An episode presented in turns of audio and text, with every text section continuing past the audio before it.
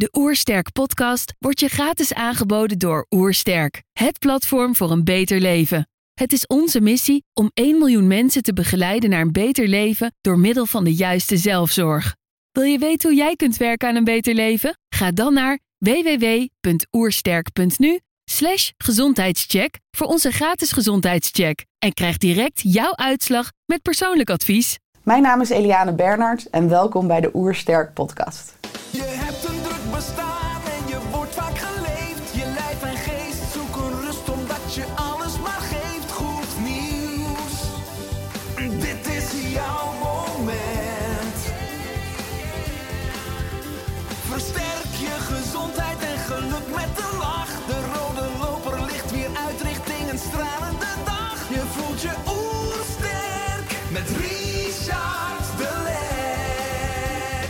We zijn hier in Heemskerk voor een podcast met Eliane Bernhard.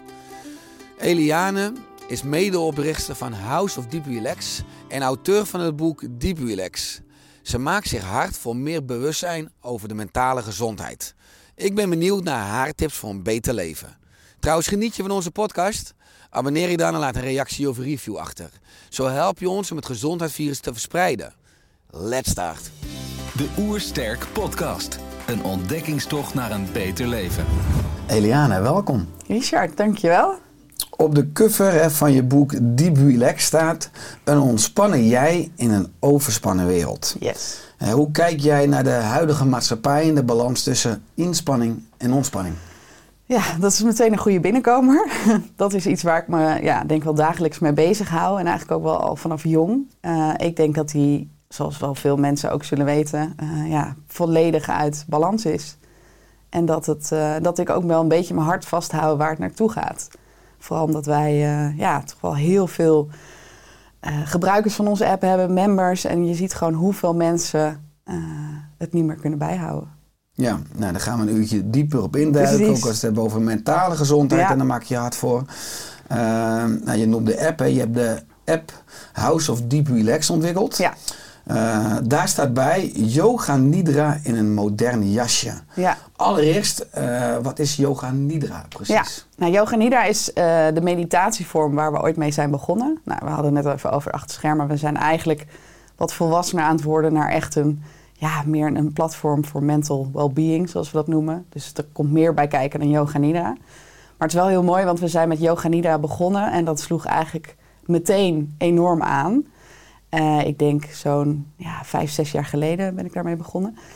En yoga nidra is een... Het, het, het woord is heel misleidend. Mensen denken vaak, oh ja, yoga, eh, ik haak af, want eh, dan moet ik weer iets. Hè, als we het over die drukte... En, moeilijke poses ook. ja, En, want yoga is heel fijn, maar niet voor iedereen, denk ik. En yoga nidra is juist een, ja, een liggende meditatie. Waarbij je ook nog eens door de manier waarop het gegeven wordt... heel erg diep in ontspanning kan komen. En ook eh, ja, een hoog percentage mensen komt daar ook. Terwijl die het wel moeilijk zouden vinden om nou ja, zittend... eh, weet je wel, dat je een, op een bepaalde manier moet gaan mediteren. Dus het is eigenlijk gewoon zo min mogelijk doen... en toch zo diep mogelijk in ontspanning komen. Dat is de samenvatting. En heel vaak vragen mensen dan... ja, maar waarom heet het dan yoga nidra? Het mooie is dat yoga staat eigenlijk voor eh, verbinding... Ehm, en nidra is de staat, die, ja, die bewustzijnstaat waar je in komt in die diepe meditatie. Dus het, ja, hier in Nederland is het onhandig dat het zo heet, maar steeds meer mensen kennen het. Ja, het is enorm in opkomst. Eh, wat ik las, hè, als ik ook in mijn eigen levensweg. ehm, jij zegt, Yoga Nidra heeft mijn leven totaal getransformeerd. Hè? Ja. Kun je deze transformatie toelichten? Ja, Ehm, nou, ik, de, de reden waarom ik eh, nou ja, op dingen als yoga nidra ben gekomen... is omdat ik zelf vanaf mijn 16 ongeveer 16, 17... eh, begon ik chronische pijn te krijgen. Dus ik was eigenlijk al heel jong... Hè, wat veel mensen nu vaak al ervaren als ze veel aan het werk zijn. Of, dat begon eigenlijk bij mij al bij mijn eerste baantjes... En pijnen die nou ja, in mijn rug en mijn schouders... en dat ging steeds verder... ehm, ja, die niet te verklaren waren. Dus ik ben denk wel tien jaar lang met mijn moeder alle artsen afgelopen, eh, therapeuten, fysio's, nou ja, noem maar op. Dus het eh, echt wel, ja, wel heel veel specialisten. Maar die zeiden allemaal, dus die hadden allemaal de hoop iedere keer van: oké, nu, nu hè, ik, ik leg je onder deze scan of ik, ik doe een kijkoperatie en dan kom ik erachter wat er zit. Maar er was niks te vinden. Eh, dus ik raakte steeds, ja, ik zat echt met mijn handen, in, letterlijk handen in het haar. Mijn ouders ook. En ehm kwam er ook nog, eh, kwamen er ook nog angstklachten bij. Dus ik heb eh, ja, op mentaal gebied ook best wel heel wat struggelingen gehad. Nou, de eerste stap was al dat ik bij een psycholoog terecht kwam. En dat het wel duidelijk werd van ja, eh, is al die pijn en is dat allemaal wel inderdaad fysiek aan te wijzen door een arts? En zit het niet toch dan, ontstaat het niet hier in ieder geval, in mijn hoofd voor de luisteraars? Ehm, nou, dat, dat werd dan wel duidelijk. Maar ja, en dan? Wat ga je dan doen? Want ik merkte al snel, als je erover praat, dan gaat de pijn niet weg. Eh, en de angst eigenlijk ook niet. En ik ben op mijn 25ste ben ik begonnen met een eh, meditatietraining. Een hele heftige meditatietraining. Ik had nog nooit iets met meditatie gedaan. En ik weet nog dat ik de tweede dag van die training op dat kussentje zat en dat ik dacht: wow, ik leer nu zo ongelooflijk veel over wat er hier eigenlijk tussen onze oren allemaal afspeelt. En hoeveel invloed je daar eigenlijk op hebt. En hoe onbewust we zijn dat dat daar zich afspeelt. Hè? Dat we daar überhaupt iets van kunnen onderscheiden. Eh, ik leerde al echt over het ego, het onderbewustzijn. En dat ging best wel pittig voor iemand die nog nooit... Hè? dus voordat ik die, dat matje opstapte, had ik daar nog nooit van gehoord. Ehm, en toen is eigenlijk alles voor mij gaan veranderen. Ik wist, toen ik op dat matje zat, wist ik... Oké, dit moet de hele wereld weten. Want waarom wist ik dit niet? Ehm, en toen ben ik langzamerhand ja, in de jaren die volgden op zoek gegaan naar vormen die, ja, die het beste bij mij pasten, maar ook die het meeste effect hadden. Dus ik ben bijvoorbeeld heel lang bezig geweest met die Dr. Joe Dispenza.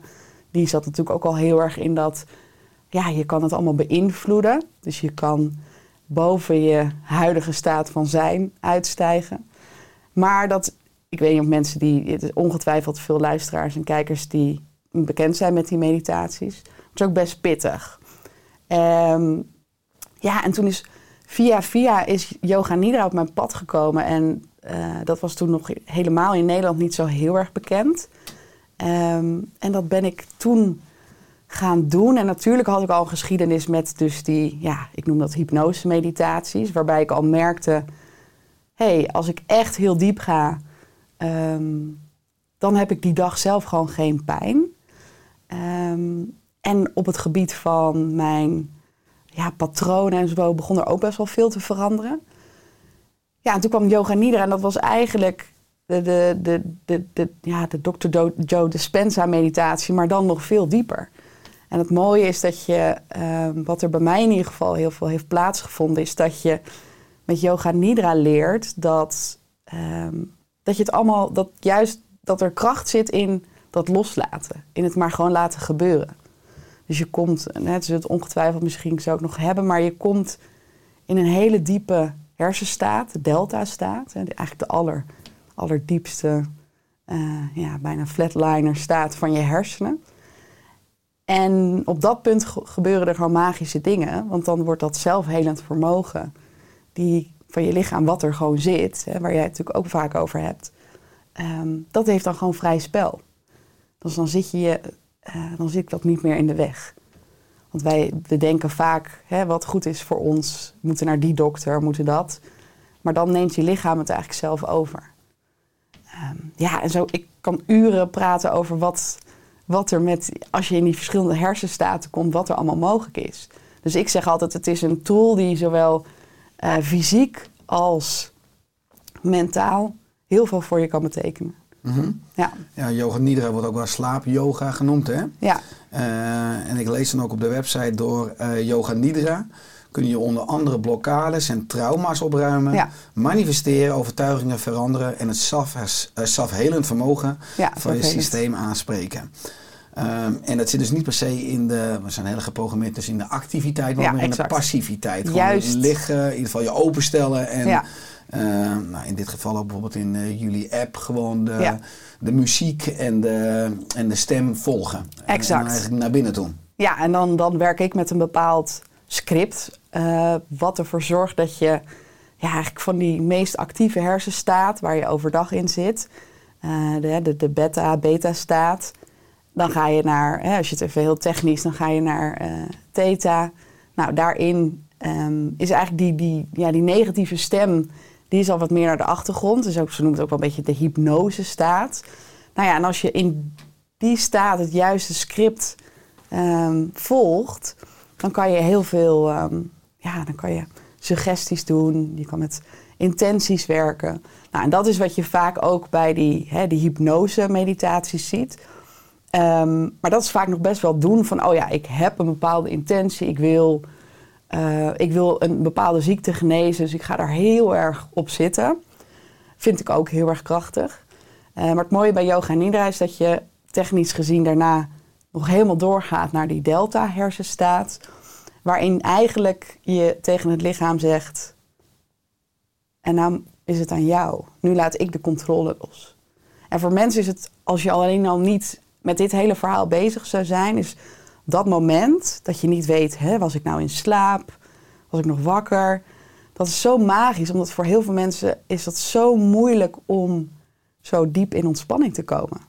Om die controle los te laten. Om die controle los Ook te laten. Bij het kritisch denken. Exact. Eh, ik lees ook op de eh, website, op platformen, een blog onder andere dat eh, yoga nidra ook een effect kan hebben op de neurotransmitters. Ja, juist. Die ik ook weer samenhangen met die hersenstaten. Exact. Ja, en dat, dat is denk ik wel, wel een van de redenen waarom het bij mij zo goed heeft gewerkt. Omdat hè, uiteindelijk ga je natuurlijk die puzzel voor jezelf na van waarom had ik op mijn zestiende al last van die chronische pijn? Eh, waarom begon er toen die angstklachten? Nou ja, en dan is de puzzel van, eh, ik heb in mijn jeugd heel wat meegemaakt. Hè. Ik was op school, was het altijd lastig met veel pesterijen. En dus dat, dat zenuwstelsel, dat heeft al heel veel meegemaakt. Dus dat staat eigenlijk vanaf kinds af aan al in ja, een soort Hè? Dus je hebt normaliter, heel kort gezegd, eh, daar gaat het hier natuurlijk ook heel vaak over, maar heb je eh, de, de ontspanningskant, hè, dat parasympathische en het sympathische. Sympathisch actie en parasympathisch ontspanning. En ik ben eigenlijk al, al- ja, sinds mijn jeugd heeft mijn systeem geleerd om vooral in die sympathische staat te staan. Nou, en heeft het eigenlijk niet geleerd om ook op een gezonde manier het trauma en het, de spannende gebeurtenissen die voorbij kwamen, om dat ook weer los te laten. Dus een, als je een gezonde regulering zou hebben, dan zou je na elke vervelende situatie, ehm, zou je dat volledig, zou je daar de tijd voor nemen om dat te verwerken. Nou ja, dat bijvoorbeeld door, dat je elke avond als kind lekker aan het huilen, lekker veilig bij je ouders. Van nou, vervelend, maar ehm, dus toch die veilige basis. Maar mijn zenuwstelsel heeft altijd gedacht, nou, als ik gewoon in actie sta, dan ben ik veilig, dan, hè, dan kan, ik, kan ik het aan. Waardoor ik verleerd ben eh, om weer naar die ontspanning terug te gaan. En daar komen die neurotransmitters kijken. Want eh, hormonen, neurotransmitters, die doen eigenlijk het werk hè, beide kanten op. Maar je zou willen dat als je in de actie of in spanning of angst, dat zij, dat dat fabriekje aangaat. Oké, en nu gaan we herstellen. En nu gaan we eigenlijk dat zenuwstelsel weer ontdoen van wat we op dat moment hebben meegemaakt. Nou ja, dat is eigenlijk nooit gebeurd. Dus ik kwam erachter en toen zat ik al aan de eh, antidepressiva en eh, het hele circus. Dat, oh, had ik dat maar geweten. Hè? Dat die, die neurotransmitters, dat dat zo'n grote rol speelt. En het is ook wetenschappelijk bewezen dat in yoga nidra, omdat je dus in die diepe staat komt, dat je lichaam dan denkt, hé, hey, deze neurotransmitters, die, die, die kunnen we gaan aanmaken, want dan komen we naar die ontspanning. Dus eigenlijk via zo'n methode, eh, methode of zo'n eh, meditatietechniek leer je je systeem weer van hé, hey, je kan ook naar die kant. Maar als ik daar zelf bewust, nu dat wij zo hier zitten, zou zeggen tegen mijn lichaam, ja, nu moeten we ontspannen. Dat, ja, wat jij zegt, die krit- kritische stem, dat, dat gaat niet gebeuren. Mhm. Ja, Ja, en dat is interessant natuurlijk, eh, wat ook meer in de podcast ter sprake komt, is dat heel veel mensen last hebben van trauma's. hè. Of je nou hebt de Ja. grote T, de ja, kleine, ja subtiele dat ontwikkelingstrauma, hè, Ja. dat is iets wat ik de laatste jaren heel erg over heb geleerd. Dat hebben we eigenlijk allemaal Ja. in meer of mindere mate. Ja, heb Jon Bommeré onder andere in onze podcast ook al exact. Maar Dus die- bij heel dat is mijn mensen- grote held, ja. Ja, is het fundament niet stabiel, hè, wat Exact. doorwerkt in het zenuwstelsel. Ja, Nou, je geeft aan, jij had eh, ja, pijn en ook angstklachten, dus Mhm. zowel fysiek en mentaal uit balans. Hè? Nou, maakt je hard voor een betere mentale gezondheid. Ja. Misschien in de basis, hoe is het nu met de mentale gezondheid in Nederland gesteld? Eh, niet best. Ehm, en ik denk ook, ehm, ehm, hè, die cijfers die veranderen ook iedere keer. Eh, ik denk ook dat we het nog lastig vinden om eh, onze vinger erop te leggen wat. ja, hè, dat vind ik namelijk ook altijd een, een interessante discussie. Van er worden dan diagnoses gesteld. Nou, die, die tellen dan mee in de cijfers. Maar wat ik ook heel vaak ehm, beschrijf en vertel, is dat wij. Hè, wij starten deze podcast met eh, wat vind je van eh, de, de maatschappelijke ontwikkelingen en hoe, hoe hard dat allemaal gaat. Of in de maatschappij, hè, hoe we nu leven. Is dat dat uiteindelijk invloed heeft op iedereen. Eh, en dan heb je. Er zijn altijd mensen die hebben een uberveilige jeugd gehad. Er zijn natuurlijk altijd perfecte eh, voorbeelden. Maar het percentage van mensen die wel ontwikkelingstrauma hebben en al meteen op school in die red race moesten, ja, dat is gewoon heel hoog. Dus ik denk dat die cijfers met, als je aan de ene kant eh, de technologische ontwikkelingen hebt en, en de eisen van het leven, die nou ja, eigenlijk bij wijze van per week hoger worden. Ehm, en dan heb je die groep mensen die al vanaf nou ja, jongs af aan al in die prestatiemaatschappij zijn opgegroeid. Ja, je hebt totaal, wat je zegt, geen fundament om dat gezond te kunnen ontvangen of, of doorleven. Dus uiteindelijk komt iedereen, denk ik, wel op een punt dat je denkt: hé, hey, oh, ik moet even iets gaan doen, want anders gaat het misschien niet goed. Maar er hoeft niet een diagnose aan te hangen. Ja, want het zorgt ook voor een soort eh, overleefstand. Dus in Ja. je nou, zenuwstelsel, je noemde Ja. zelf eh, de balans parasympathisch-sympathisch. Eh, bij veel mensen is het sympathische deel gewoon eh, eigenlijk hyperalert. Hè? Mensen Mega. continu aan. Ja, Ehm, vind ik ook mooi dat eh, jouw grote wens is eigenlijk voor deze wereld. Hè, dat mensen zelfstandig aan hun eigen mental well-being kunnen werken. ja, ook dat mensen altijd toegang hebben tot mentale gezondheid. Zonder op een nou, enorm lange wachtlijst Ja. hè, van de GGZ te staan. Of duizenden euro's aan zelfontwikkeling te moeten uitgeven. ja. Ehm, nou, als dat dan, ja, dat is waar jij aan bijdraagt, maar hoe zou de wereld er dan uitzien als eh, mensen dus zelfstandig toegang hebben en ook tools hebben om aan hun eigen Ja. mental well-being te werken? En dat bewustzijn hebben Ja. van, hè, dit, dit, dit gaat niet over als ik ehm, lekker elke avond een wijntje en Netflix. En weet je, dat is ook een, een, een weet je, die ontspanningsvorm heb ik ook eh, uitgeprobeerd heel lang. Ehm, maar dat, dus i- één, dat bewustzijn. En ik denk twee, eh, want ik heb heel vaak hier discussies over. En ook met het schrijven van het boek hè, ben ik eh, ook met, eh, nou ja, met, de, met de strategie bezig geweest van welke kant gaan we nou op. Kijk, die wereld, dat zou heel mooi zijn en dat is een heel mooi ideaal. Van die gaan we nog veranderen, maar die gaan we niet meer veranderen. Dus die, die ontwikkelingen, die, het gaat niet ineens zijn van nou, omdat, omdat het zo slecht gaat met iedereen, moeten we dat maar gaan stoppen. Dat gaat niet gebeuren. Dus dat gaat gewoon door. Dus het enige wat wij eh, als mensen te doen hebben, eh, hoe vervelend dat ook klinkt, is ons dus eigenlijk dus weerbaar te maken en ons te evolueren in, hey, dit is dus de nieuwe wereld. Wij zitten eigenlijk nog in een, in een systeem, in een hersysteem, wat dat helemaal nog niet bij kan houden. Ehm, maar laten we dan die puzzel gaan leggen van wat kunnen we dan dus wel doen. Dus waar kunnen we, eh, zonder dat we dus niet meer een onderdeel uitmaken van de wereld, hoe kan ik mezelf weerbaarder maken? Ehm, en ik denk dat het begint bij bewustzijn en bij het feit dat je weet, oké, ik heb een fundament. Dat, is, dat zit vol met spanning en hè, met dat zenuwstelsel wat een overload heeft. Maar daarnaast heb ik een bepaalde programmering bij mezelf. Dus ik heb bepaalde overtuigingen waardoor ik vind dat ik altijd dat moet doen. Waardoor ik vind, nou, en die gaan natuurlijk heel ver terug. Uh, dus we hebben eigenlijk allemaal een beetje van diezelfde angsten. Hè? Als ik er niet bij hoor, dan. Dus we blijven presteren. Dus het, is, het werkt voor mij dus tweeledig. Eén, toegang tot hoe kan ik weerbaarder worden. En twee, hoe kan ik mezelf in kaart brengen dat ik weet waarom ik altijd doorga en waarom ik niet kan stoppen. Ehm, en wie weet wil je er dan wel wat minder van uit gaan maken. Van die hele extreme eisenmaatschappij. Mhm.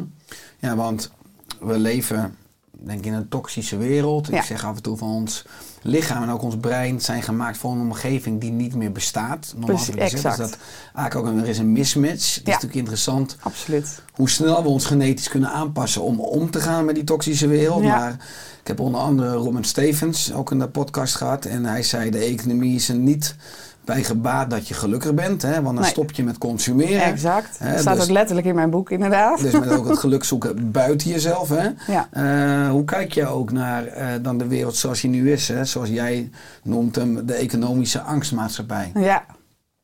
Nou, exact dat. Dus het, en, ehm, ik vind dat nog best wel vrij heftig om het daarover te hebben. Omdat ik, eh, weet je, ook op zwakke momenten denk... oh god, weet je wel, dat, er is, we, we hebben zo'n pittige...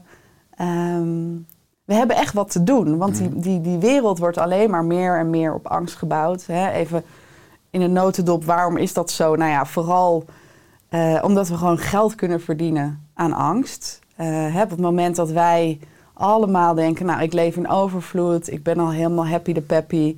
Ehm, ik heb genoeg aan een, een lekker glas water en de hele dag gezellige gesprekken. Ja, dan, dan gaat er aan de andere kant niks meer verdiend worden. Eh, dus voor simpel dingen als marketeers is het heel mooi om op angst in te spelen. Kijk, wij doen het ook. Zeg, nou, onze training is nu. eh, hè, maar gelukkig bieden wij dan dingen aan waar mensen uiteindelijk die angstmaatschappij een beetje kunnen handelen. Ehm, maar nogmaals, ik denk dus dat dat dus niet gaat stoppen. Dat angst zit in onze oerhersenen, weet je wel. Dus het is wel, eh, je hebt wel echt wat te doen om te gaan begrijpen wat er dus bij jou gebeurt, dat je daar gevoelig voor bent. Ehm, en dat vind ik heel erg interessant, want je kan daar gewoon omheen gaan werken. En dat is eigenlijk waar we ons bij House Duplex, ja, we bieden dus heel veel ontspanning aan, en, maar dat zit er voor mij echt onder. Dat je kan gaan kijken naar, ehm, ja, hoe kan ik mezelf, hoe kan ik erachter komen wat mijn overtuigingen van vroeger zijn, mijn, mijn echte angsten, ehm, zodat ik dus steeds minder daar een onderdeel van uit wil maken. Maar dan ja, moet je stevig voor je schoenen staan, want met social media, met alles eh, wat, wat er tegen je aangegooid wordt, is dat gewoon een dagelijkse uitdaging. Hm, Ja, het is wel heel sterk natuurlijk qua soort primaire drijfveer. Hè? Waarom Ja. doe ik wat ik doe? Ja, Eh, wat ik heel sterk vind is eh, dat in een Insta-post schreef je... de echte graadmeter voor succes is een kalm zenuwstelsel. Eh, wat is jouw definitie van succes? Ja, nou ja, dat was dus heel lang. Dat is wel mooi. Ik heb dus mijn jeugd, hè, natuurlijk ook heel veel fijne momenten, maar ik heb vooral op school heb ik het als onveilig ervaren. Dus ik heb een zenuwstelsel wat ingesteld is op onveiligheid. En heel lang was voor mij, maar dit wist ik natuurlijk niet. Dus heel lang was voor mij eh, het beeld van succes was, nou, als ik veel geld verdien, als ik eh, hè, wat heel veel mensen hebben, als ik financieel onafhankelijk ben, dan kan ik een groot huis kopen. Als ik, als ik dit en dat en dat heb, extern gezien, ehm, dan ben ik veilig. Dan ben ik eindelijk veilig. Ehm, nou, eh, als je moment voor jezelf, hè, ik ben voor mezelf gaan beginnen, je komt steeds dichter bij dat punt van, oh ja, ehm, ik kan steeds meer zelf bepalen hoeveel ik verdien, want als ik dit doe, dan verdien ik zoveel. Maar die veiligheid die wordt niet, voor je gevoel niet groter. Ehm, maar op de momenten dat ik, wanneer ben ik nou echt gelukkig hè, en voel ik me echt succesvol en fijn in het leven, is als ik een fantastische massage heb gehad. Bijvoorbeeld, ik loop weg bij die massagesalon. Ik kan dit gevoel, dit is rijkdom. Ehm, en misschien een ander mooi voorbeeld is dat ik een paar jaar geleden in Amsterdam, ik deed heel vaak aan ontspanningsyoga, hè, yin yoga, restorative yoga. En ik vond het zo'n mooi moment dat we een hele ontspannen les hadden gehad. Anderhalf uur lang, soms moest je wel twintig minuten in één houding liggen. Maar het mooie is dat je zenuwstelsel dan dus ook in die, nou ja, die, die, die die komt in die ontspannen, sympathische staat. Of parasympathische staat. Nou, en we waren allemaal helemaal relaxed. En aan het einde, nou, dan zit je weer even met elkaar. Dan sluit de docent de les af. En die zei, ja, hoe voelen jullie nu? Ja, helemaal, je, helemaal fijn en, en glimlach. Alsof je de wereld aan kan en alles even niet belangrijk is. En ze zeiden, ja, dit is dus je normale staat van zijn. En hoe vaak zit jij hierin? Nou ja, toen moesten een paar mensen dus ook huilen. En op een of andere manier is dat is me zo bijgebleven. Ehm, en het vervelende is dat we dat eigenlijk elke dag zouden moeten horen. Omdat als die mind het weer overneemt, dan is het nee, maar het is geld, het is succes en het is in die angstwereld een belangrijke rol hebben. Terwijl dat, die staat van zijn, dat je in homeostase, dat je even helemaal. Dat is volgens mij het enige wat we nodig hebben. Ja, het is echt de jagen en het, en het maar ook eigenlijk de adrenaline en dopamine, eigenlijk de hele andere kant. Tuurlijk, en dat, dat lijkt ook, weet je wel, dat, dat, maar dat, ja, dat, dat is zo, nou dat, dat weet je misschien ook, maar dat, dat, dat, dat, dan ben je er nooit. Nee. Dan is het nooit genoeg. Nee. Het is Ja, nooit genoeg. een fictief iets in de toekomst. Het is maar, heel eh, fictief. Je ervaart het niet nu, nee, inderdaad. want ik vond het zelf ook mooi om te lezen wat je zei. Dat je vanaf je 16 natuurlijk ook een, eh, zeg maar, eh, voor je eigen klachten een zoektocht bent begonnen. Ja, En daarover zeg je ook, elke oplossing voor mijn mentale klachten leidde mij juist weg van de kern. ja, Ehm, anderzijds zeg je van, ik geloof dat ons lichaam en onze hersenen zo zijn gebouwd dat alles aanwezig is om bijvoorbeeld in geval van ziekte onze eigen apotheek te activeren. ja, Nou, jij reisde 15 jaar langs allerlei specialisten, Ja. artsen, fysiotherapeuten, andere experts. Ehm, heel veel met zijn ellenlange wachtlijsten, ook nog vandaag in de, Ja, in de dat is GGZ. nu nog veel En erger alleen dan maar aan vroeger. Toenemen, hè? Ik bedoel, eh, dat is Ja. ook een groot probleem. zeker. Ehm, waar gaat het mis en hoe kijk jij ook naar de huidige GGZ, misschien ook de rol van de farmacie? Hè? Als Ja. we, nou ja, dat zijn, het, is een, het zijn een paar vragen in één. Ja, ja, maar ik, ik snap waar je naartoe wil, ja. En ik weet dat jij je daar ook heel veel mee bezighoudt, hè. Met dat, eh, dus eigenlijk dat we alles dus al hebben. Van we hebben zo'n, het lichaam is gewoon, eh, hè, vooral Ja. met de hersenen van de mens. Wij zijn zo ingenieus ingericht, Ja. maar eigenlijk maken we er heel weinig gebruik van. Omdat we eh, ja, ooit besloten hebben dat eh, de artsen, hè, dat, dat als je het, nee, laat ik zo zeggen, dat als iets wetenschappelijk bewezen is, nou ja, dan kunnen we er wat mee gaan doen. In mijn geval, ehm, hoe ik er naar kijk, is dat ik dus op mijn 25ste. ehm, ik, ik zie dat ook altijd een beetje op zo'n omslagpunt, 25, 26, hè, dat ik op dat meditatiekussentje stapte en dacht: ehm, Oké, huh? er is zoveel meer mogelijk dan we dus denken of we weten. Ehm, maar toen zat ik dus al aan de antidepressiva. En het heeft ook wel, moet ik zeggen, heel lang geduurd voordat bij mij het kwartje viel. Oké, ik ben aan de, voor mijn angstklachten, mijn pijnklachten. ehm, ik heb het heel lang afgehouden, maar ben ik toch overgehaald om aan de antidepressiva te gaan, want dat zou mij helpen met alles. Ehm, en ik moet ook zeggen, ja, tuurlijk, het, het, het, in die donkere periode was het ook heel fijn dat je dan even eruit kan.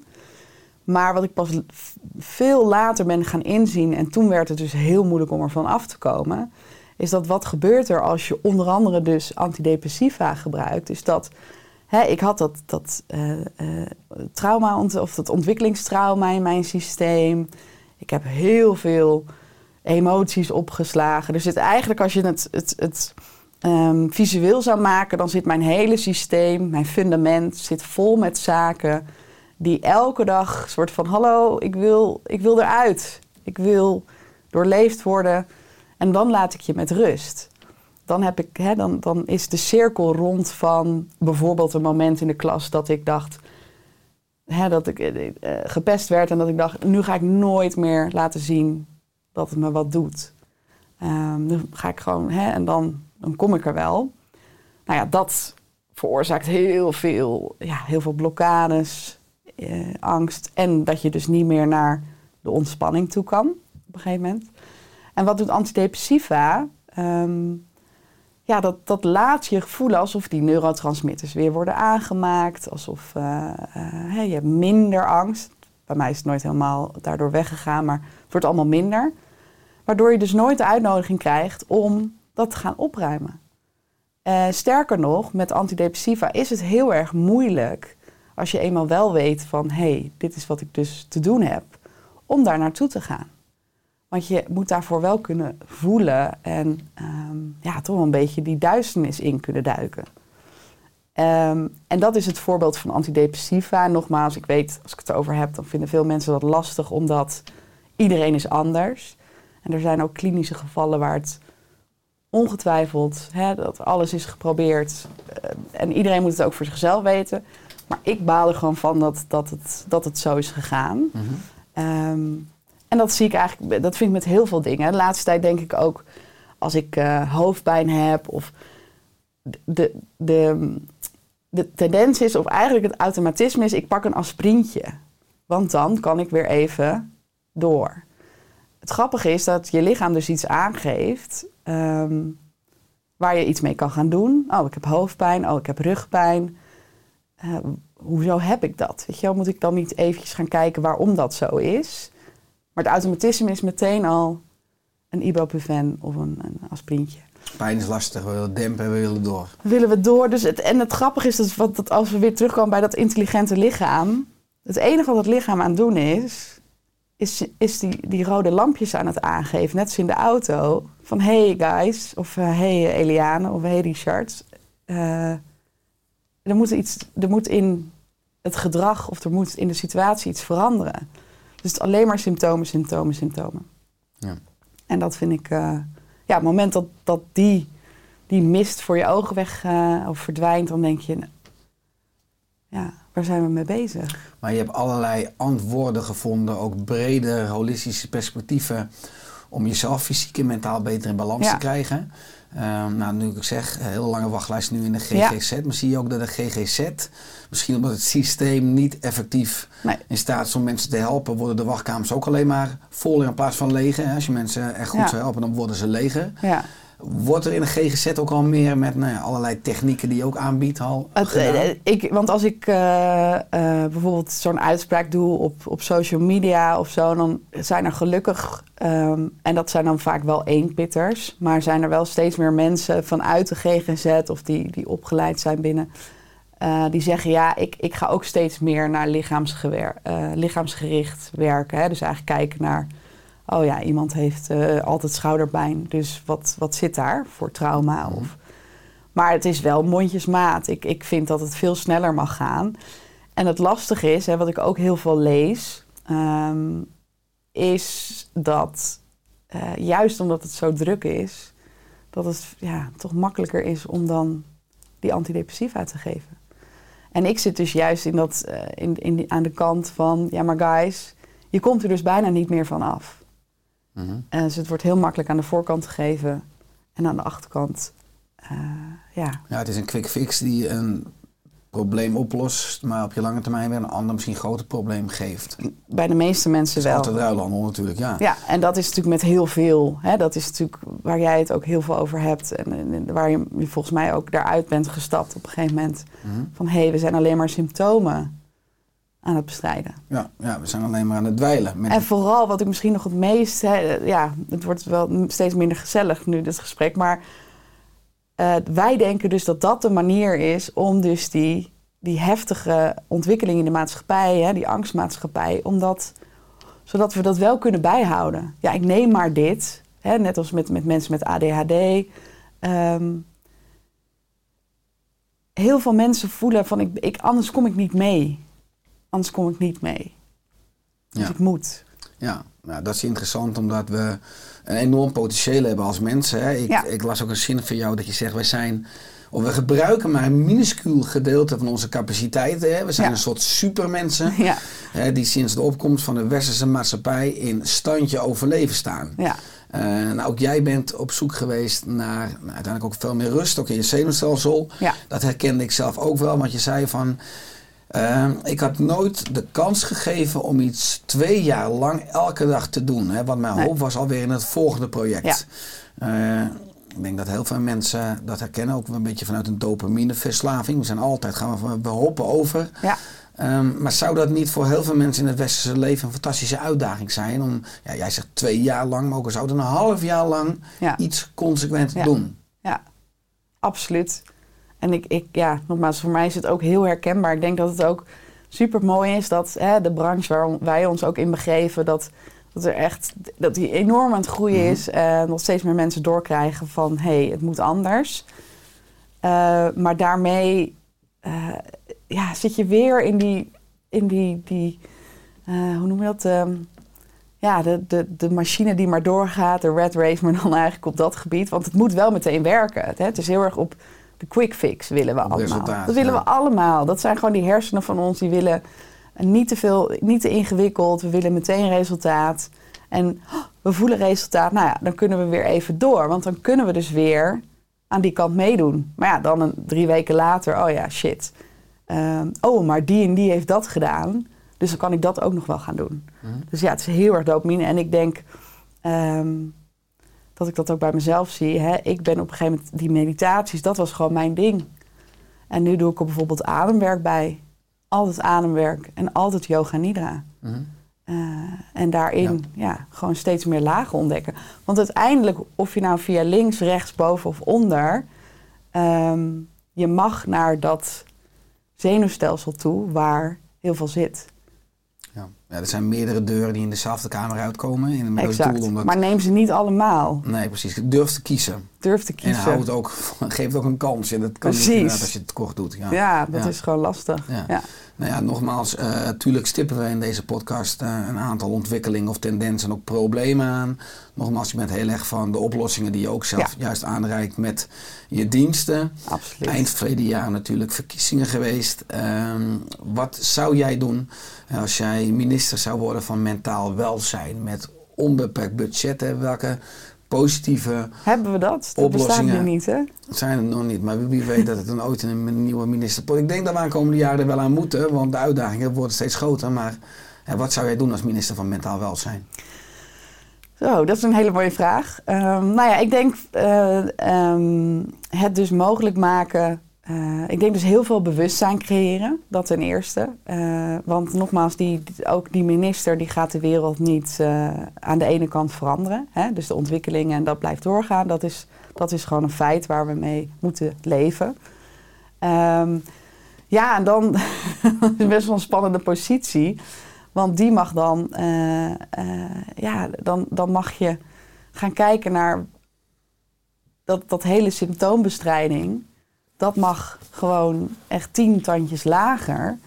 En mensen gaan vertellen van, hey guys, eh, die levensstijl, eh, daar begint het. En dan hoef je dus niet die medicijnen en, en eh, de hele shebembem. Maar ga kijken, één, ehm, ja, wat is jouw handleiding als mens? Waar, hè, waarom doe je de dingen die je doet?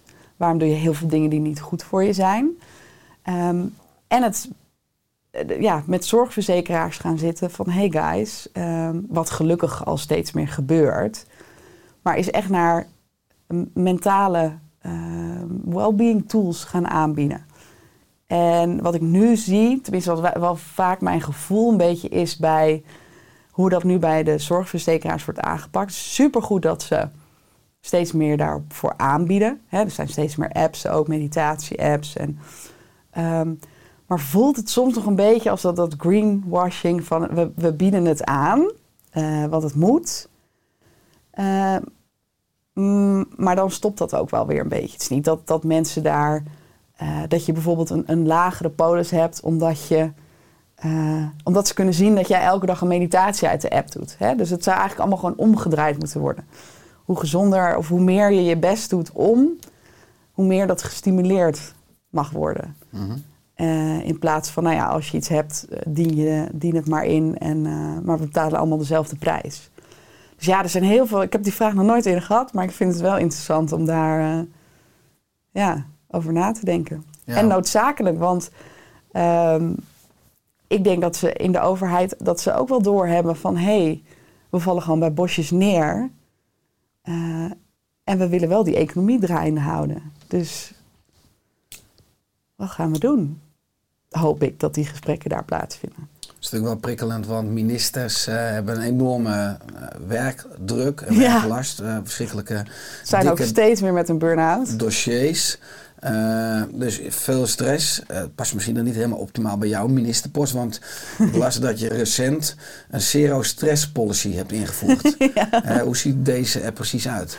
Nou ja, dat, dat, ja precies. Dus het, dat zou dan, dan lastig worden. Hoe ziet dat eruit? Nou ja, dat is vooral het eh, bewustzijn. Ik kom natuurlijk heel erg vanuit een, een, eh, een overlevingsstaat. Hè? Dus alles komt bij mij heel erg vanuit...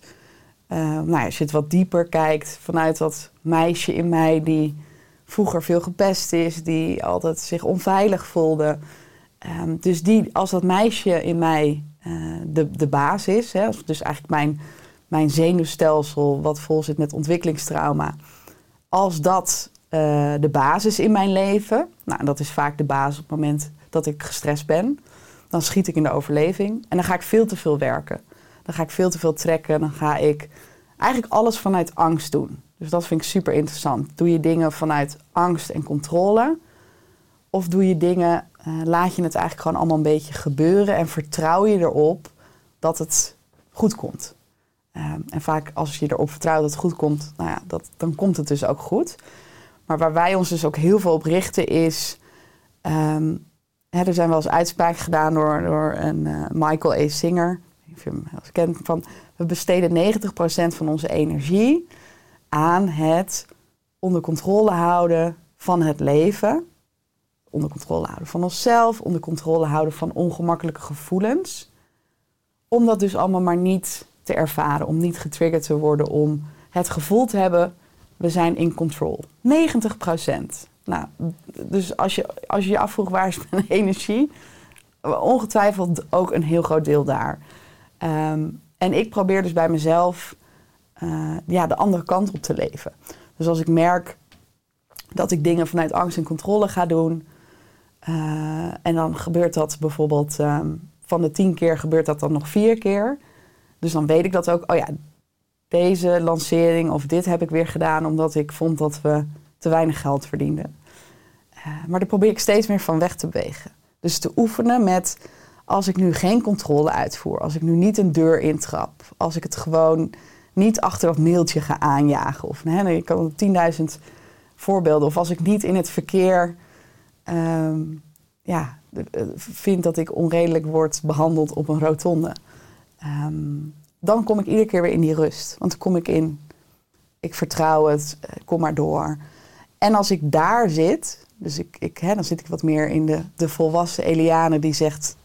jongens, het is oké, we zijn veilig. Dan kan ik ook veel beter voor mezelf zorgen. Dan durf ik wat vaker overdag een yoga nidra sessie op te zetten.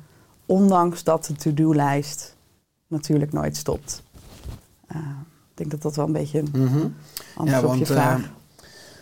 dat je ook mooi zegt dat, eigenlijk dat het mentale, emotionele domein, als je dat niet de balans hebt, eigenlijk energieslurpers kunnen zijn, ook onbewust. Hè, wat heel veel mensen niet per se eh, van op de hoogte zijn. Nee, Eh, op een Insta-post van je laatst zag ik ook een aantal energiegevers die je benoemde. Hè? Ook als tegenkracht. Knuffelen, wandelen, gezond eten, positief denken, dansen, mediteren en een massage nemen. Dat Ja, gaat net daar dat is hoe je ontspant. Eh nogmaals, je houdt verschillende ballen hoog in je leven. Je bent auteur, je hebt een bedrijf, je bent moeder net moeder. geworden. Eh, hoe zorg je voor balans in jouw leven? Ehm, nou ja, dus, dus aan de ene kant dus, dus, dus dat verhaal op orde hebben. Ehm, ja, balans. Nou, ik ben dus net eh, sinds vijf maanden moeder. Dus dan merk je wel, oh ja, je moet weer even die balans opnieuw gaan vinden. Eh, Het draait heel niet meer alleen om jou. Hè? Het draait niet meer alleen om mij. Om Ik je vond dochter Luna. Ja. Luna en eh, eh, zeker hè, als je eigen bedrijf hebt, dan dat is misschien herkenbaar, ondanks dat je het niet wil. Je staat toch wel altijd aan, omdat ehm, kijk, toen ik een kantoorbaan had, vond ik dat ook best wel stressvol. Maar dan was het wel aan het einde van de dag trok ik de deur dicht en we zien het morgen wel weer. Bij de meeste kantoorbanen, hè. Eh, of andere eh, banen, maar in ieder geval waarvan je niet verantwoordelijk bent voor het eindresultaat. Nou, nu ben ik, heb ik dat wel. Ehm, dus ja, voor mij zit het hem heel erg in die controle eh, loslaten. En met Luna eigenlijk ook. Dus als we daarop inzoomen, want dat is voor mij nu het, het nieuwe ja, onderwerp in mijn leven, wat ook voor heel veel stress zou kunnen zorgen. Maar Mark en ik hebben eigenlijk vanaf dag één gezegd: we gaan dat perfectionisme loslaten, want dat zit allemaal weer in die overtuiging, in die controle. Dus we laten eigenlijk de controle los. Bijvoorbeeld bij mijn borstvoeding, dat lukte niet goed. Eh, de perfectionist in mij zegt: nee, maar ik moet dat doorzetten, want dat staat in alle boeken en het is natuurlijk ook heel belangrijk. Maar ik merk doordat ik bepaalde dingen heb durven loslaten, dat zij, ja, het is een heel relaxed kind. Het is echt, ja, het slaat goed. eh, en elke keer schakelen we dan ook weer terug. Oh ja, maar we kunnen hier nu eh, alle boeken over gaan nalezen. eh, perfectionistisch. ehm, maar het hoeft allemaal niet zo perfectionistisch. Dus ik denk dat het altijd weer bij mij terugkomt op die overtuigingen. En dat als ik die op dat moment loslaat, dan komt er ontspanning. Ehm, en zo hou ik dus eigenlijk op alle gebieden die balans. En tuurlijk ben ik heel erg voor een fijne routine hebben. Hè? Dat je een ochtendroutine hebt en een avondroutine. Dat ben ik nu weer een beetje aan het terugvinden. Hoe ziet die eruit? Eh, nou, vooral s'avonds uh, is eigenlijk standaard doe ik een... dat, daar, dat krijg ik ook dat Mark zegt dan ook... en nu weer naar je yogakamer. Dan doe ik een, een yin-yoga sessie. Echt voor het slapen gaan. En, echt wel soms drie kwartier voor een uur. Dus ik moet mezelf dan soms ook bij die tv wegsleuren. Eh, want die ene stem die zegt, joh, blijf lekker zitten. Maar hè, dat die wilskracht van mij die weet, nee, als ik dat doe... dan voel ik me de volgende dag ook weer fit. Dus dat, dat is echt mijn moment.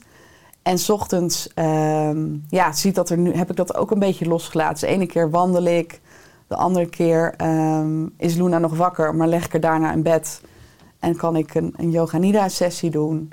Dus ik, ik heb daarin ook nu dat perfectionisme losgelaten. Maar wel altijd met het idee, heb ik vandaag goed voor mezelf gezorgd? Of heb ik alleen maar aangestaan? Dat zijn wel belangrijke vragen. Ja, want je woont nu in Spanje. Ja, Eh, helpt die omgeving je ook daar? En Wat? trouwens is het ook interessant voor de luisteraar kijken, wat bracht je daar? Ja, ja, ja, tuurlijk. Dus in, het mooie is wel dat je... ehm, en jij hebt ook een, een jaar... Heb je er een jaar in Spanje Ja, gehad? ja, in Mallorca, klopt. Ja. Ja.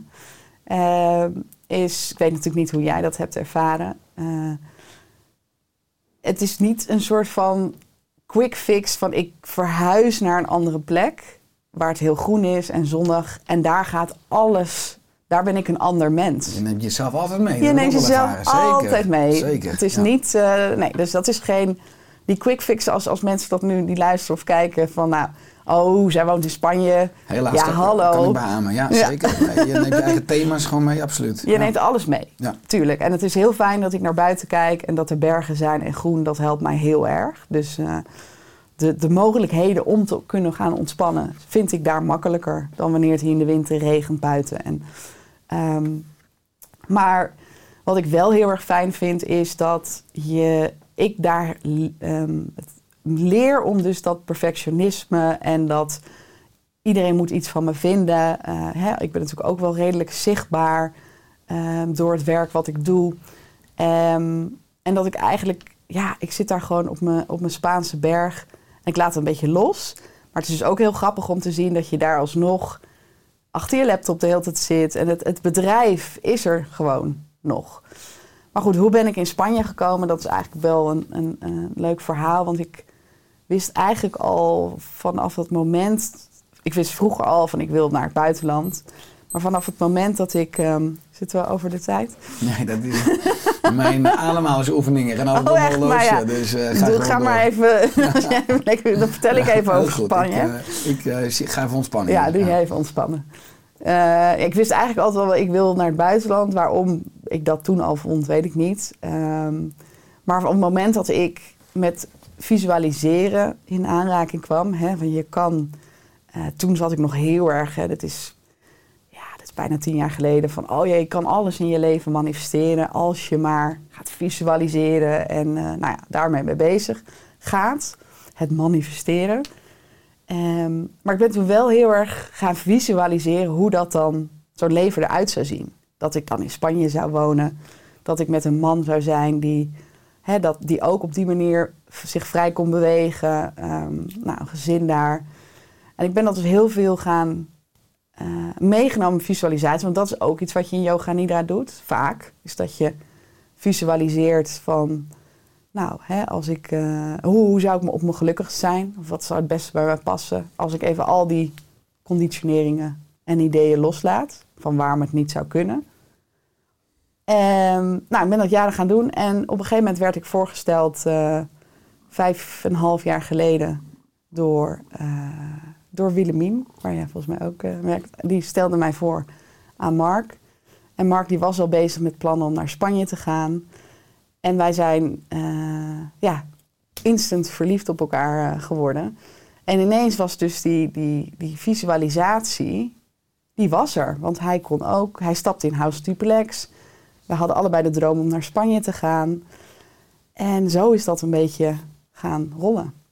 Maar ik vond het wel mooi om te zien van... hé, hey, dus je kan het leven... Ja, of het nou toeval is of niet, hè, dat, dat weet je dan dus niet. Maar Leuk, mooi ja, want mooi is, je hebt het ook over eh, visualiseren, of over de kracht, de scheppende vermogens eigenlijk van onze Ja. mind. precies. Ik vind het ook mooi dat ik in heel veel eh, dingen die je doet en schrijft ook eh, ja, het spirituele terughoor. Ook in jouw boeken. Ehm, zie ik ook veel uitspraken in de trant van bijvoorbeeld je bent je gedachten niet, maar je bent het bewustzijn erachter. Ja, Hoe kijk jij naar die driehoek lichaam, geest, ziel? ja. Nou, dat is een, een mooie... Ja, dat vind ik heel erg interessant. Hoe ik het echt letterlijk zie. En het, het, het grappige is dat ik dat ook steeds meer... eh, ik maak natuurlijk de meditaties op onze app.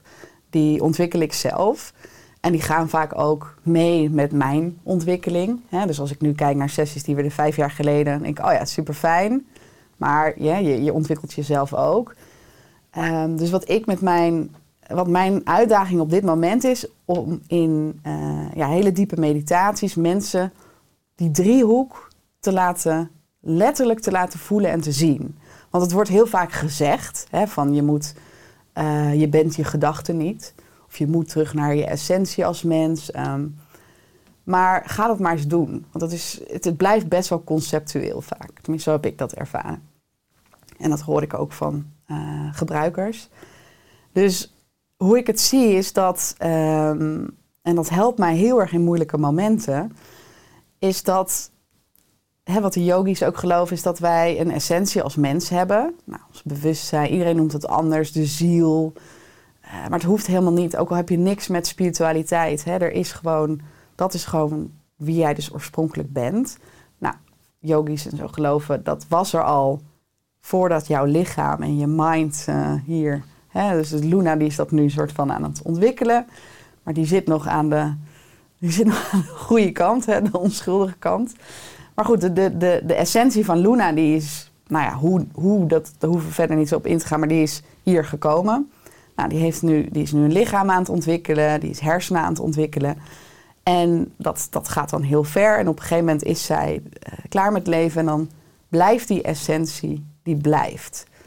Ehm, en waarom is dat zo krachtig om daarmee te werken? Omdat op het moment dat je je beseft dat die gedachte, bijvoorbeeld die, die negatieve stem die de hele dag in jouw hoofd is en die jou allerlei dingen laat doen, dat is eigenlijk gewoon een mechanisme. Dat is niet wie jij bent. Dat lichaam, is het, hè, daar, mogen we supergoed voor zorgen, want dat is eigenlijk het, het voertuig waarmee we hier alles kunnen doen. Maar wat we vaak niet los van onszelf zien en dan ook boos zijn. En, ehm, en ik probeer dus meditaties te ontwikkelen waarin je geleid wordt naar het feit dat je heel duidelijk ziet: wow, dit is die tetterende stem in mijn hoofd, ehm, die eigenlijk 95% van de tijd maar doorgaat. Maar dat is helemaal niet wie ik ben. Oh ja, ik heb een lichaam. Ehm, en ik heb daar dus nog iets achter. Wat heel veel mensen beschrijven als de, de waarnemer. Eh, die, die het ziet. Dus wat ik nu, ik kan nu maar naar jou kijken. En dan kan ik beseffen, oh ja, ik heb een lichaam. Mijn gedachten gaan naar, oh ja, wat gebeurt daar? Wat heb je op je kaartje staan? Wat gaat je vragen? Ehm, maar er is dus iemand die nu ziet dat ik dat denk. En dat is dat gedeelte daarachter. En wat mijn wens zou zijn, ik denk ook dat eh, nou ja, dingen als de verkiezingen zoals laatst en dat dingen heel de wereld zeg maar anders naar eh, situaties als als iedereen steeds meer daar zich bewust van zou worden van hé hey, door alles wat ik heb meegemaakt, heb ik een onderbewustzijn wat vol staat met negatieve overtuigingen. En daar komt die stem de hele dag, hè, die, die tettert maar door. Want je moet dit, je moet dat, je moet zus. Maar daar zit dus iets achter wat veel positiever is. En wat helemaal niet bezig is met de angstmaatschappij of met tekorten. Maar als ik het zo uitleg, blijft het dus conceptueel. Dus ik, ik hoop dat mijn sessies, dat mensen het steeds beter voelen. Dus ik geef ze ook echt de opdracht van... geef een naam aan die stem in je hoofd. Ehm, en, en zie dat ook als bijvoorbeeld een, een, een kind die heel veel aandacht krijgt. Die de hele dag tegen de deur aan het schoppen is. is een belangrijk onderdeel, maar het is niet... Jij bent niet dat kind. Maar jij mag ervoor zorgen. Jij mag zeggen, hé, hey, en nou even... Hè, nu ga ik lekker een avondje op de bank... en jij mag alvast lekker naar bed. Wegwezen. Uh, en de andere keer is je weer gewoon heel erg welkom. Dus, maar ja, Mooi, het, ja. het blijft conceptueel, maar ik Nee. denk dat het ook wel veel besproken Ja. wordt. Hè? Ja. Een mooie metafoor als je het hebt over een kind. Ik, eh, Ja. We zijn beide ouders natuurlijk. Ja. Eh, het is mijn missie om de aarde vitale door te geven. Zeg ik altijd aan hè, mijn twee zoons, Noah en James. Eh, nou, je bent recent moeder geworden van. Luna. Ehm, wat is jouw droom of missie ook voor aankomende jaren? Ja. Ja, ik moet me daarin heel erg inhouden. Dat ik niet soort van, eh, van Luna moet alles eh, eh, ehm, belichamen hoe ik dat zie. Hè. Ik wil haar daar wel vrij in laten. Maar wat ik als, als, als ouder, in ieder geval ondanks wat ik haar verder wil meegeven... is dat ik haar eigenlijk vanaf dag één, wat ik als kind gemist heb, wil gaan meegeven. Ik wil haar vertellen dat... ehm, de, dingen waarom ik bepaalde dingen doe. Hè, dus waarom ik vind dat zij dit of dat moet. Of dat, eh, dat ik die veiligheid voor haar probeer te creëren. Ik wil dat zij weet dat emoties, hè, dat als zij zich verdrietig voelt, als ze boos is, dat, het, dat daarover gesproken kan worden. Dat het veilig is om het daarover te hebben. Ehm, ik wil, hè, Luna is namelijk nu al een hele, hele streberige, ambitieuze baby. Ehm, dus ik hoop haar daarin bewust te kunnen maken van dat hoeft niet. Weet je, je hoeft niet zo. eh, het, het mag ook een tandje lager. Ehm, ja, en daarin heb ik heel erg bewust zijn dat een, een kind eigenlijk weerspiegelt hoe jij je voelt. Dus vooral met jonge kinderen ben je, eh, dat heb ik ooit gelezen, dat vond ik zo mooi. Je bent één, als gezin één zenuwstelsel. En op het moment dat kinderen lastig zijn, hè, dat heb ik natuurlijk vroeger met mijn ouders ook, die vonden ons maar vervelend en, en, er was altijd ruzie. En, maar die gingen nooit bij zichzelf te raden. Van hé, hey, maar misschien ben ik wel gestrest of eh, angstig of noem maar op. En dat laten die kinderen dan zien. Want die, die weten niet beter, die spiegelen dat. Dus dat is heel erg hoe ik het in het gezin... En natuurlijk inderdaad, je kunt bewust gezonde keuzes maken. Ehm, le- lifestyle is belangrijk. Maar dan kom je op school en dan ga je het systeem in. Ehm, dus ik hoop dat ik daar, eh, ja, dat ik haar gewoon heel, heel bewust kan maken. Dat alles gewoon oké is. Ik denk dat dat het allerbelangrijkste is. Dat er altijd over gesproken kan worden. En daarin kan je ze meenemen. Jij, bent, jij hebt natuurlijk al wat langer, eh, wat oudere kinderen. Dus is dat ook hoe jij... Kan je een voorbeeld geven wat voor jou, eh, wat jij heel bewust doet? Ik heb er mails opgegeven. Ja, toch wel, hè? Nee, maar het leuke is dat eh Renate en ik, eh, we hebben de twee zoons. Kijk, Noah is eh 13. Dus Ja. je ziet dat bij hem het veel meer gaat ook over bijna mentale veiligheid. En Ja. James is vijf. Ja, Dan gaat het nog echt over, over fysieke veiligheid. Dus Ja.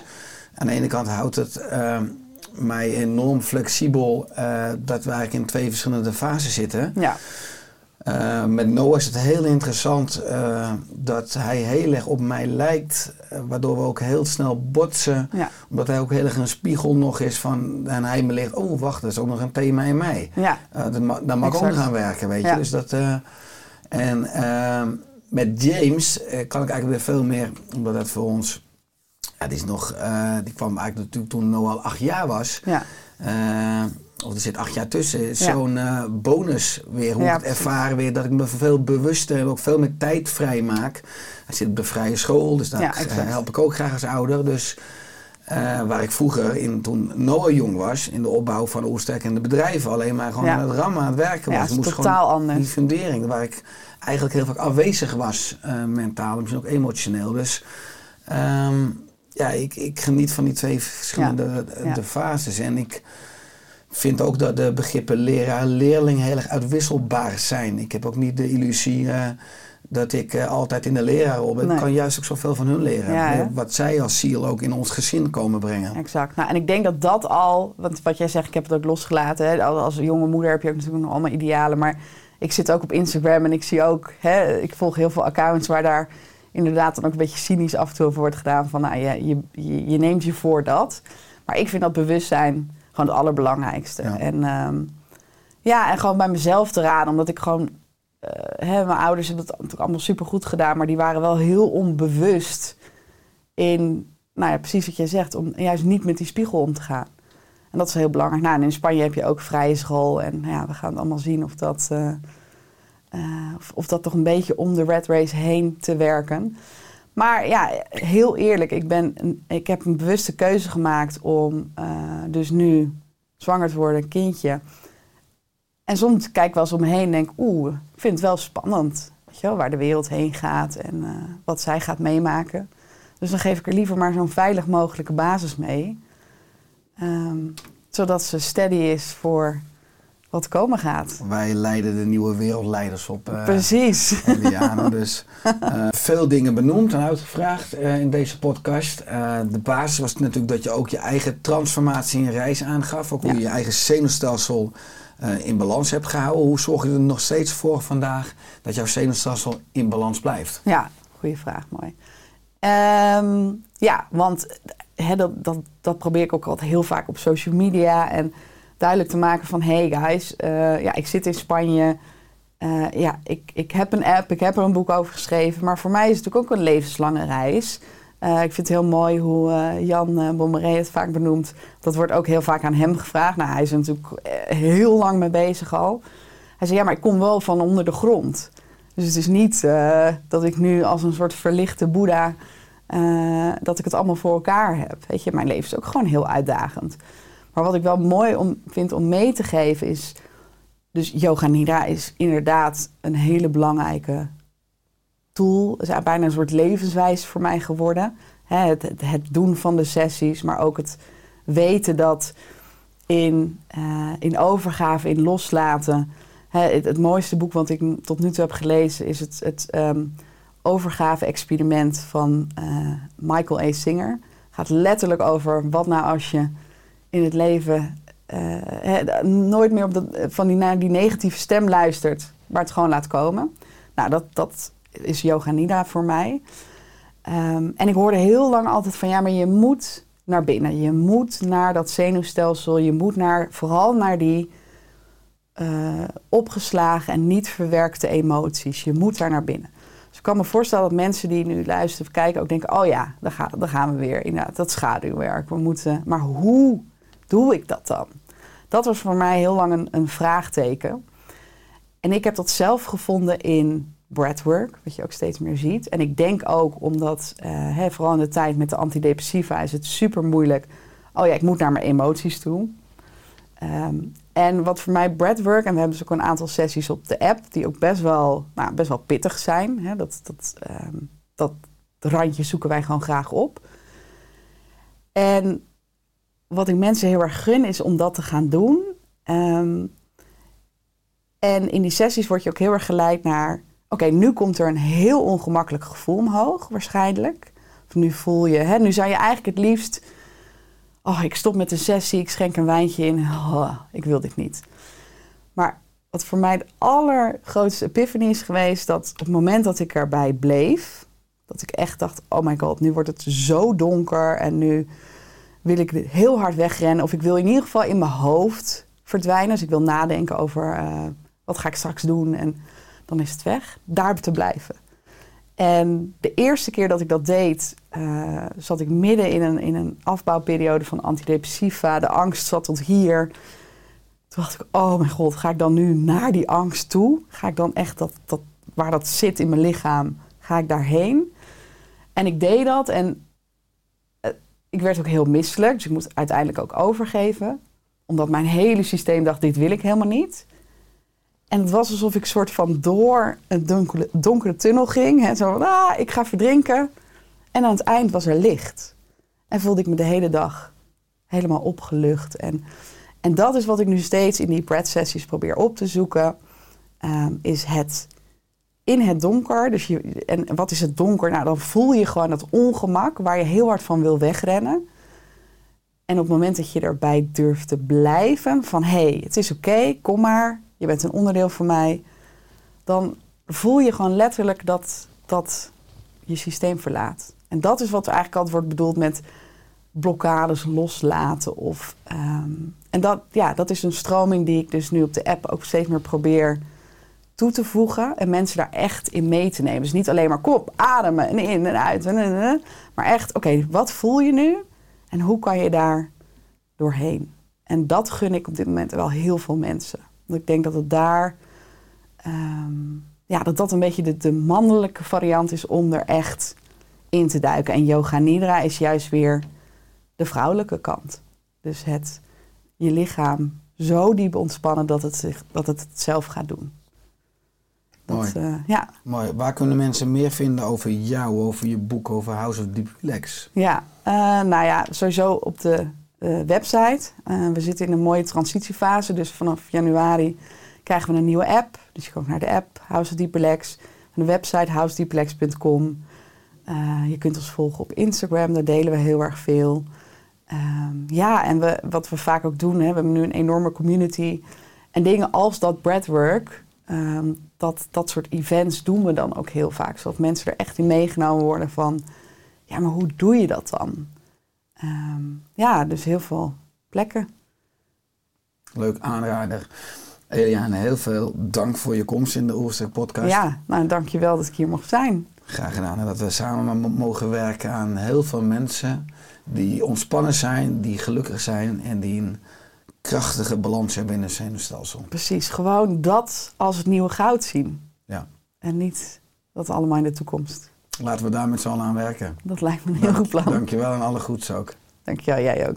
Nou, we hebben het in de podcast eh, gehad ook over mijn eh, app van House of Deep Relax. En hoeveel, eh, wat voor soort sessies daar allemaal op staan. Dus ik kan me voorstellen dat je nu zoiets hebt van... hé, hey, maar dat is interessant. Nou, en in samenwerking met Oersterk hebben we een link gemaakt waar je naartoe kan... waarmee je de app een maand gratis alles wat erop zit kunt gaan gebruiken. En no worries, het wordt daarna niet verlengd stiekem of wat dan ook. Dus je kan gewoon echt alles gaan uitproberen. Lijkt me gaaf als je dat gaat doen.